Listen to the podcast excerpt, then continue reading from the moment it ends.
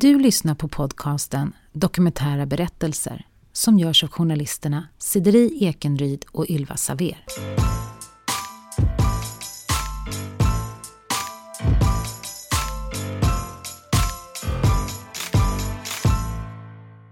Alltså nu är jag här tre, gånger, tre, fyra gånger i veckan.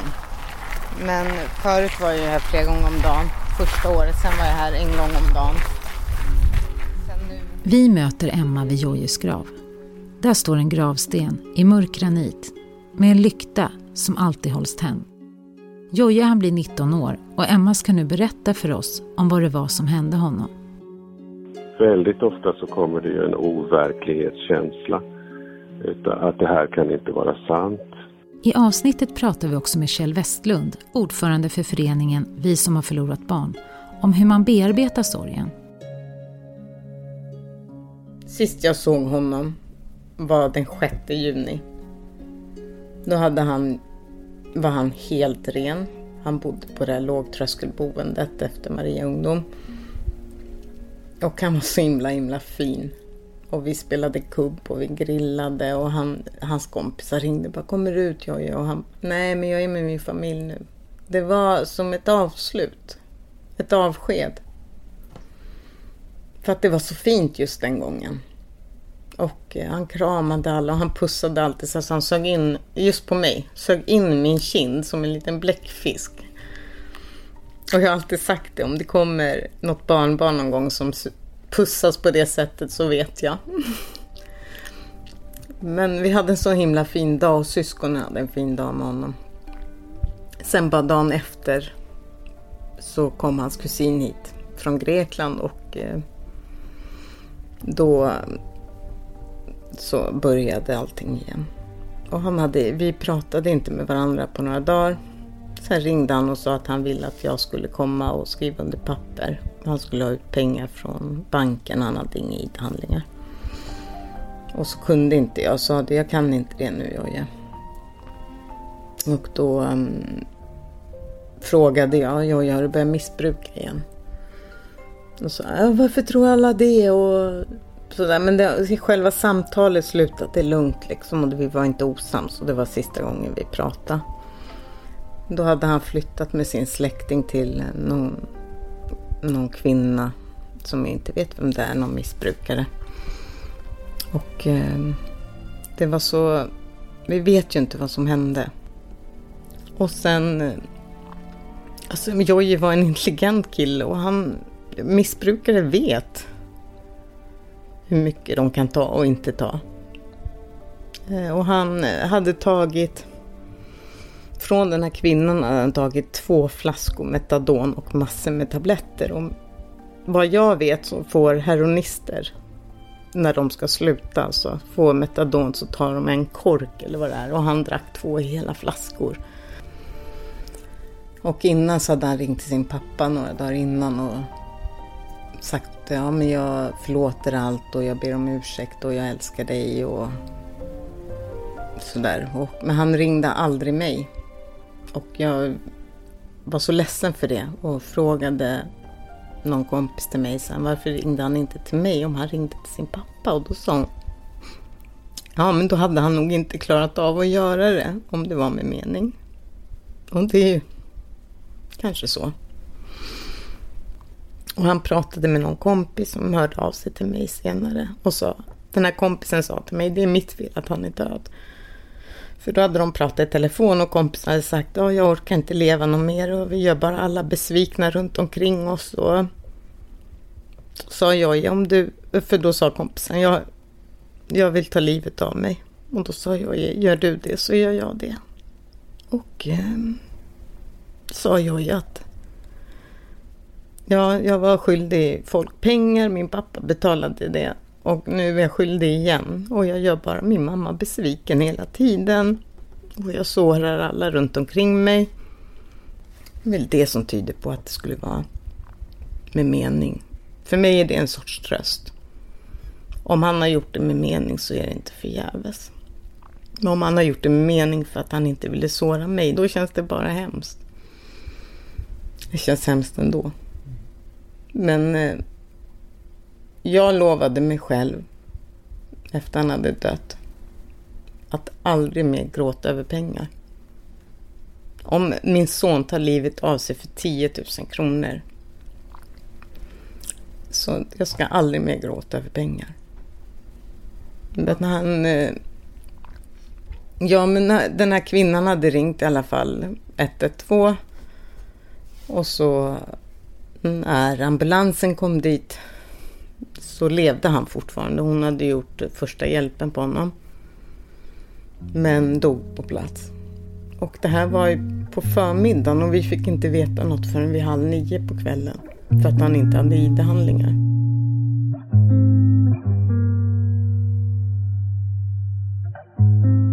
Det är en varm sommardag 2014. Emma och hennes äldsta dotter sitter hemma i köket. De är på bra humör eftersom socialtjänsten äntligen har fattat ett beslut om att tvångsvårda Jojje för sitt missbruk. Vi satt här och spelade kort. Eller min dotter och hennes kompis spelade kort och jag satt här och vi var så glada. Alltså vi kände verkligen så här, men vilken lättnad att han äntligen får hjälp. Och så ser jag genom köksfönstret två polisklädda män som står där. Och då tänker jag ju direkt, ja men de letar efter Jojje. Så jag går ut dit och så stänger jag dörren för jag tänker att ingen hemma skulle behöva höra liksom. Och säger de, är du, är du Emma Korroli, Jorgos mamma? Ja, sa jag så här och men han är inte här, sa jag och skrattade. Ni kan gå in och leta, för de bad om att få komma in. Och jag bara, ni kan komma in och leta efter honom, han är inte här. Och så tittade han bara och så sa, men vi behöver verkligen komma in. Ja, men jag vill inte det för att jag har hans syskon här och sådär. Ja, ni kan berätta här. Så jag säger att inte han är här. Och så sa de att, och jag såg hans ena lilla syster var ute och lekte och det var sommar och så eh, säger de att nej men vi kan gå till polisbilen och prata om du vill. Nej men säg vad det är bara, så Ni kan säga det här. Han är väl inte skadad, sa jag och så skrattade. Och så tittade de på mig och jag såg att det var något. Och så är jag bara jätte, jättenervös. Men han är väl inte död? Sa jag. Ja, då bara la de huvudet på sned och sa tyvärr. Och alltså det gick inte att ta in. Man... Alltså det var verkligen... Jag bara öppnade dörren, går in i köket och Steffis äldsta dottern frågar vad är det som händer sådär för att då hade hon rest på sig. Och hon bara, ja, han är död, sa jag bara. Och förstod inte ens själv vad jag sa. Och så ramlade hon bara ihop på golvet. Och grät. Och gick och satt mig vid köksbordet och tänkte att undrar om det förväntas att jag ska gråta nu. Och för mig kändes det som jag satt så det var så sjuk tanke och det kändes som jag satt så i flera timmar och så var det ju inte. Det var ju kanske sekunder eller minuter. Och jag eh, eh, förstod ju inte vad som hade hänt. Alls. Jag, men jag går upp i alla fall och så min man låg i, i sängen och jag öppnade dörren och så sa jag bara för då går polisen efter mig och jag, han är död, sa jag bara. Och han bara kastade sig upp, va? Så här, och efter jag hade sagt det till honom då förstod jag. Och så bara ramlade ner på golvet där uppe i hallen och skrek. Och det där skriket, det är sån, sån, sån ångest. Det kommer liksom från botten av själen. Det går inte att beskriva. Ehm. Och jag bara skrek och skrek och skrek och folk hade börjat komma hit redan för det spred sig så snabbt. Och eh, hans, ena, hans bästa vän kom och stod här nere och hörde mig, mitt skrik och så han gick. Han kunde, han bara, det har etsat sig fast i mig, jag kan inte jag kunde inte vara kvar, sa han. Och sen började ju folk komma. Och så en jättenära vän som bor här. Hon har också jättemånga barn och hon kom springande så jag minns det jätteväl. Och det var ju rätt sent. Hon kom springande så här ute på gården med sin barnvagn och alla barnen och hennes bröder kom och syster. Det var folk här hela natten nästan. Men jag kände ändå att jag kunde gå ifrån om jag behövde fast det var folk här. Men jag bara gick omkring som i dvala. Och sen dagen efter så kom det, vi räknade ihop att det var 48 stycken människor som kom ut, utöver vår familj. Och Anders, min man, försökte få tag på en präst och fick inte tag på någon präst. Jag tyckte det var konstigt att inte polisen hade haft med sig en präst. Fast det hakade jag upp, upp mig på liksom.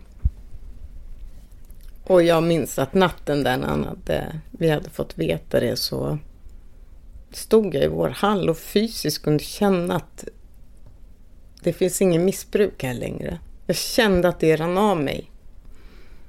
Inte av... Jag hade velat det fast inte utbyte av Jojje. Och att han, det var jätteviktigt för mig redan från början att han skulle få en värdig begravning för att han hade fått en sån himla ovärdig död. Ett poddtips från Podplay. I fallen jag aldrig glömmer djupdyker Hasse Aro i arbetet bakom några av Sveriges mest uppseendeväckande brottsutredningar. Går vi in med hemlig telefonavlyssning och, och då upplever vi att vi får en total förändring av hans beteende. Vad är det som händer nu? Vem är det som läcker?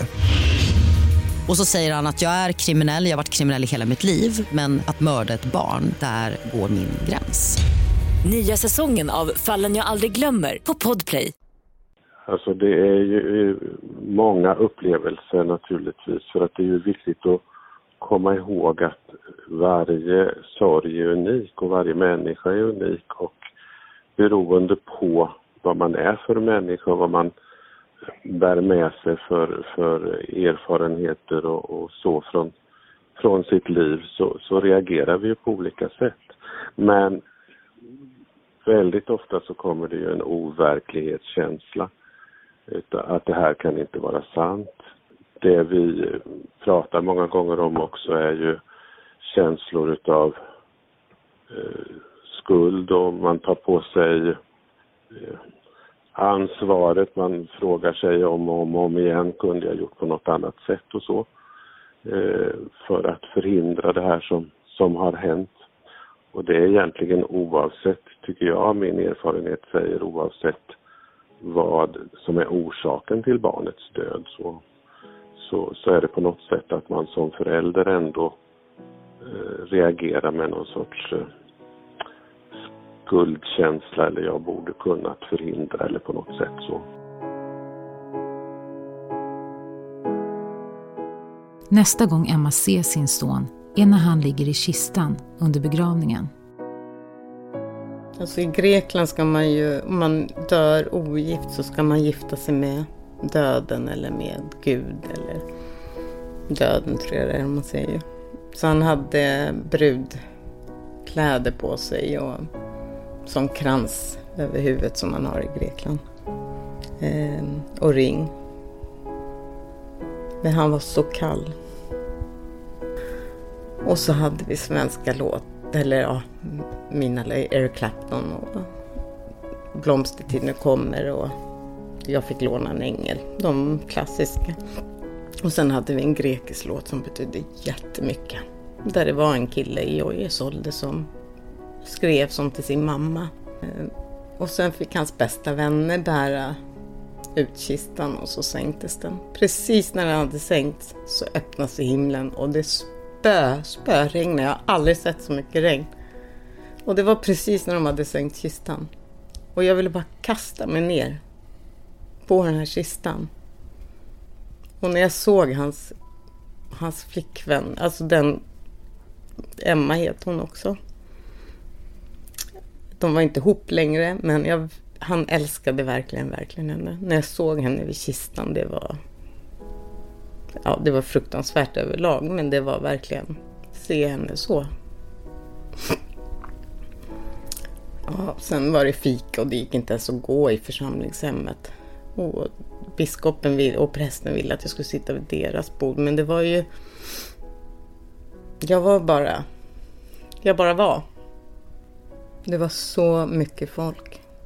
Och jag kände att alla som var där hade en relation till någon av oss i familjen. Till oss alla på ett eller annat sätt. Så det var inte bara om nyfikenhet utan och folk hade frågat mig innan, vad, vad kan vi göra, kan vi hjälpa dig med något? Och, och så sa jag, för det första sa jag, svara om jag ringer mitt i natten. Alltså, ni behöver inte säga något, lyssna bara. Jag kanske bara gråter, men lyssna på gråten. Ni behöver inte trösta. För alla säger samma sak. Men så sa jag, så kan ni baka till begravningen. Alltså det kom folk som jag inte känner som bakade och lämnade. Och mm, en tjej som jag inte har träffat som är från Sollentuna också som jag inte har träffat på kanske 20 år. Hon kom alltså från Upplands Väsby med tåget och hon är själv sjuk. Hon hade bakat, för hon är duktig på att baka, så hon hade bakat, kom med tåget, lämnade det i Ösmo och så gick upp till kyrkan, lämnade det och åkte tillbaka för hon ville inte dränga sig på. Det var så himla fint tycker jag.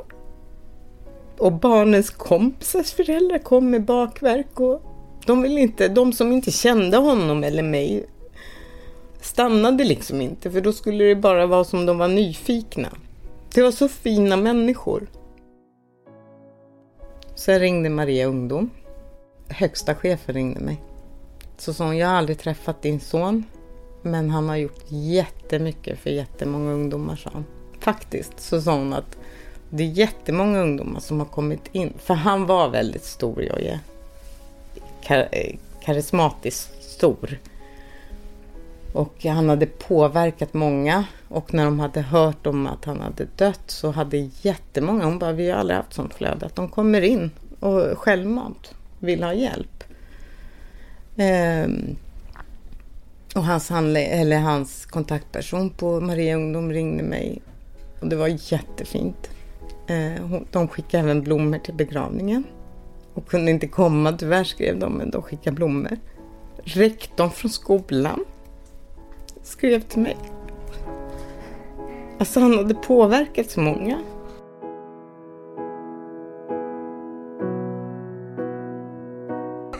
Så kör!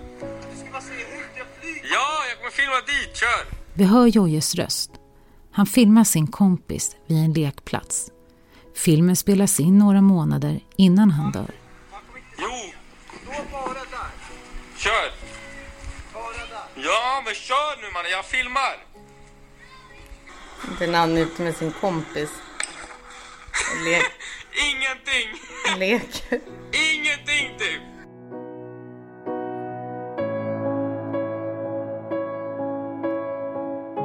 Det här är eh, en process som tar tid och som många gånger tar mycket längre tid än vad folk i allmänhet tror. Eh, och jag, jag menar på att det måste få ta den tid som behövs för att man på något sätt ska hitta någon sorts balans i livet igen. Eh, och där kämpar vi en hel del med omgivningen och med myndigheter och så vidare för att liksom få förståelse för det här med att sorg tar tid. Eh, men det jag skulle kunna säga det är ju också att, att faktiskt inte vara rädd för att, eh, ja, vad ska man, man kan säga att man kan ta paus från sorgen ibland. Vi, vi behöver hitta små ljuspunkter i livet för att orka med de mörka stunderna också. Inte ha dåligt samvete för att man kanske gör någonting som man blir glad över en stund. Det betyder ju inte att man har glömt den som man har förlorat eller att man inte sörjer utan det betyder att man kanske behöver vila en liten stund från sorgen för att orka med att sörja också. Jag trodde aldrig jag skulle skratta igen. Jag skrattade första gången när det hade gått tre månader. Det minns jag, när jag skrattade. Eh, och det, Det kom ju bara någon enstaka gång, men det kom. Jag trodde aldrig det skulle hända. Och jag för, tyckte det var jobbigt för det kändes som folk förväntade sig att jag skulle gråta hela tiden. Och när jag inte grät så kändes det som undrar om de tror att jag har glömt honom. Och det har jag inte. Och syskonen har ju... Ena brodern så är ju jätte, jättekänslig. Han var 12 då. Och han är, var, är fortfarande, men väldigt, väldigt nära mig. Och eh, jag kände att jag inte ville att de skulle hela mig hela tiden och trippa på tå för mamma är så ledsen. Och så skickade jag ut alla barnen en dag, så men ni får gå ut och leka. Och så gick jag in i duschen och så bara dunka huvudet i kaklet och skrek och skrek och skrek och kände bara jag orkar inget mer. Ehm, och grät och så kommer jag ut. Då sitter han i soffan. Och så säger han, jag hörde dig i duschen. Alltså, det var så hemskt. Men sen jag var ju mest uppe vid graven när jag vill vara nära Jojje. Eller sluta min och mig själv. Och när det har känts outhärdligt. Det är ju när man förstår att han är död. Det är ett par minuter. Det går inte att ta in. För skulle man förstå det hela tiden, då skulle man vara död. Det är, det är ett par minuter som insikten verkligen når en. Och då vill man dö. Så är det. Eh, och min äldsta dotter sa till mig en gång att om du tar livet av dig mamma så kommer mina syskon alltid tro att du valde Jojje. Du valde att dö för hans skull men du, istället för leva för deras skull. Och det där har liksom etsat sig fast. Eh, men det är också samtidigt jobbigt när folk säger att Ja men vilken tur att du har de andra sex barnen. Och, ja fast det är klart att jag är jättetacksam över det och jag älskar dem. Men min sorg efter Jorgos är ju efter det barnet som har dött, inte efter de som lever. Och det är två skilda saker. Min glädje över dem är inte samma som min sorg över Jorgos. Och jag har förklarat det för dem, försökt verkligen förklara att oavsett hur mycket jag än sörjer så minskar inte det min kärlek till er. Jag älskar er lika mycket. Och eh, det kommer liksom aldrig minska. Det har nu gått drygt fem år sedan Jojje dog. Familjen har med honom i sina tankar på olika sätt för att minnas honom. Vi har firat hans födelsedag och hans årsdag och så med att skicka upp ballonger. Vi har eh, ätit hans favoritmiddag varje dag tillsammans. Vi har sagt första året så hade vi hans vänner så sa alla varsin fint minne av honom. Eh, så vi har liksom med honom ändå. Och yngsta dottern som idag är sju. När hon fyllde fem eller sex, sex måste det ha varit. Då sa hon till mig, sätt dig inte där mamma, där sitter Jojje och ska sjunga för mig. Så att han är liksom med. Men eh, först är man i någon, eh, något vakuum liksom där tiden verkligen går. Den är tidlös.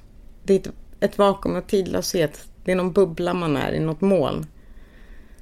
Sen fastnade jag i ett och ett halvt, två år i någon kokong av sorg. Där jag kände, jag måste, det är ett halvår sedan jag kände, jag måste skära mig ut härifrån. Jag var liksom fast i en kokong av sorg där jag...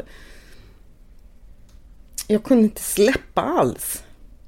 Jag kunde vara glad och jag kan skratta och faktiskt kan jag säga, och det låter hemskt kanske, men jag kan skratta på ett mer befriande sätt efter han dog än när han missbrukade.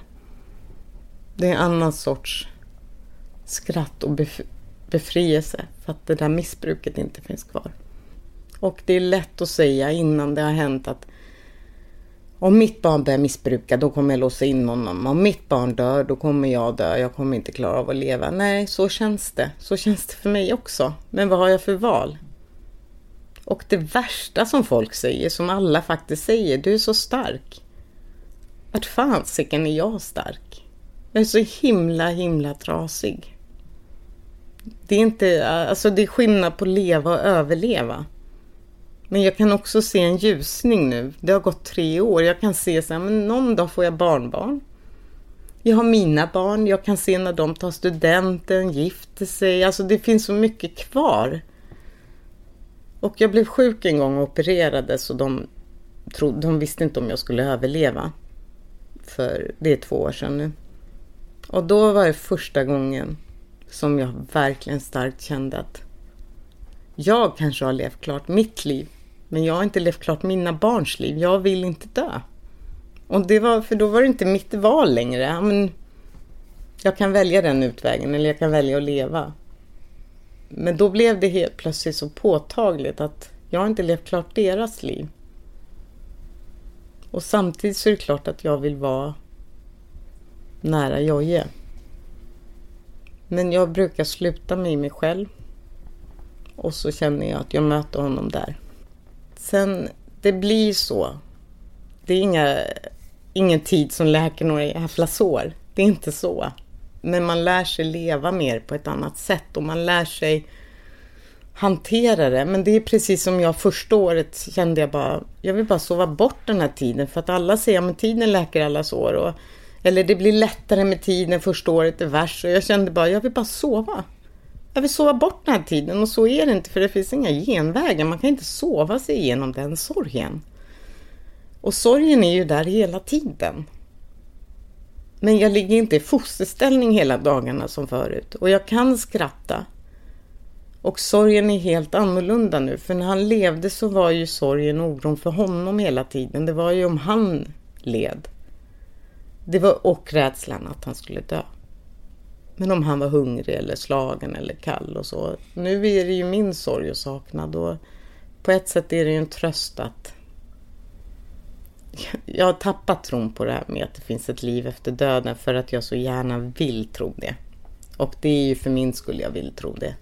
Inte för hans, för blir det svart så blir det svart och då lider han ändå inte. Men finns det ett liv efter det här så lider han inte heller.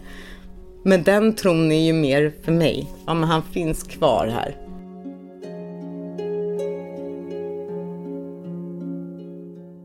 Det är ju väldigt vanligt att många säger jag vet inte vad jag ska säga eller jag, jag, jag vet inte hur jag ska hantera detta.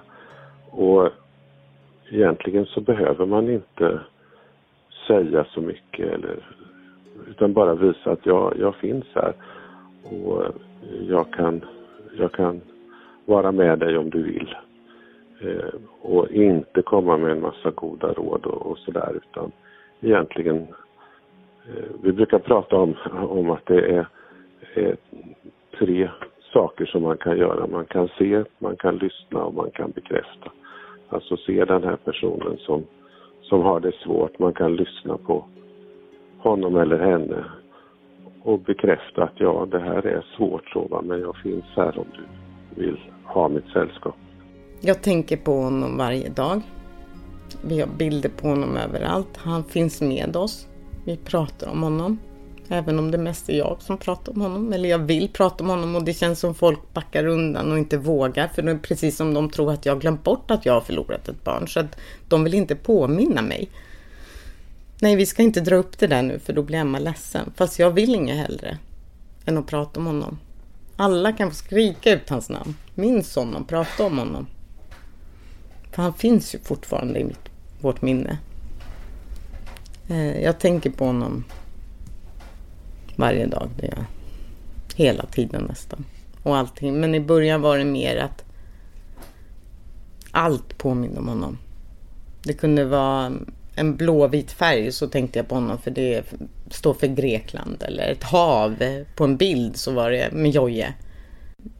Och sen är det en skamlig känsla att har han tagit livet av sig så har han valt det själv.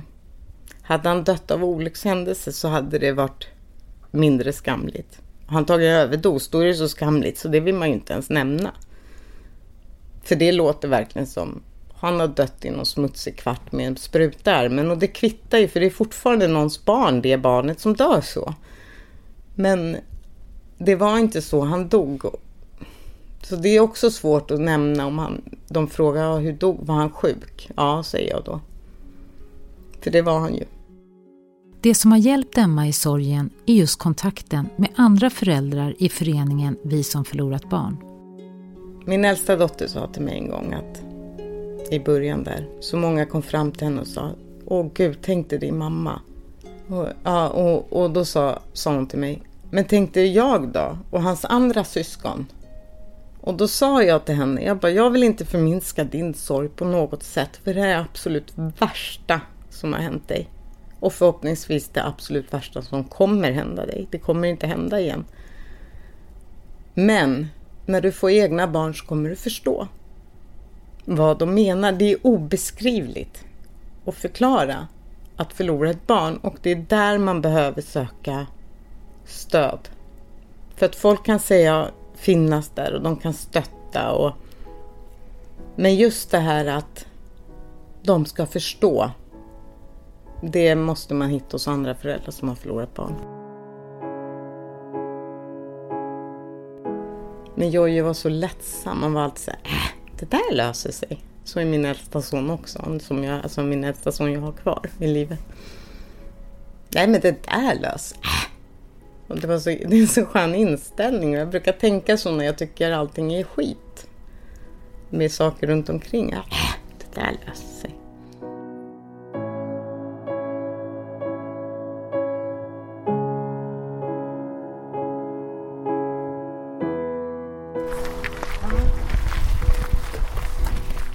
Jag fick ju välja gravstenen. Och för mig var det viktigt med en lykta i. Det var min man som hade sett någon hade det och det kändes fint. Ehm, och när vi går och lägger oss på kvällarna så har barnen alltid sagt, upp till en viss ålder, sen lägger de ju av med det, men då har de alltid sagt dröm om familjen och änglar. Ehm, så nu står det ju på hans gravsten. Nu sover du med knäppta händer. Dröm om familjen och änglar. Och sen där längst ner har vi ju skrivit själa sig aldrig farväl. Eller de har rispat in. Men det är för... Jag hoppas att det är så. Att själar aldrig säger farväl. Det som gör ondast, absolut ondast, det är om han har gått omkring här på jorden och känt sig oälskad. Det är faktiskt min största sorg. För att han, han var så intensiv och eh, Ja, han var jobbig. Ett jobbigt barn när han var liten och jag bara känner, tänk om han har gått omkring här på jorden och känt sig oälskad. Men hans vänner säger att så är det inte. Han har vetat att han är älskad. Men det känns ändå som... Det är min största sorg. Att han ska ha känt sig, att han ska ha gått omkring här hela sitt liv och känt sig oälskad. Och det hoppas jag verkligen inte, för det var han. Vad tror du han skulle säga till dig om han kunde nu? Vad ska jag säga? Äsch, det löser sig. Var inte ledsen skulle han säga. Och att jag inte skulle känna skuld det är jag helt säker på för det sa han jämt. Men det är så, skuldkänslan går inte att komma ifrån när man förlorar ett barn. Sen är det väldigt viktigt för mig att det alltid är fint här. Att, och det är ju inte... Han bryr sig säkerligen inte. Det är för att folk ska se att han är älskad. Ja, det är fridfullt här och hans bror som idag är 18, han var alltså 15 då. Han valde ut den här platsen eftersom det ligger tre gravar här med barn och sen är det ju tomt. Så min plats är reserverad här bredvid. Så där ska jag ligga. Du har precis lyssnat på del två av Drogerna tog min son.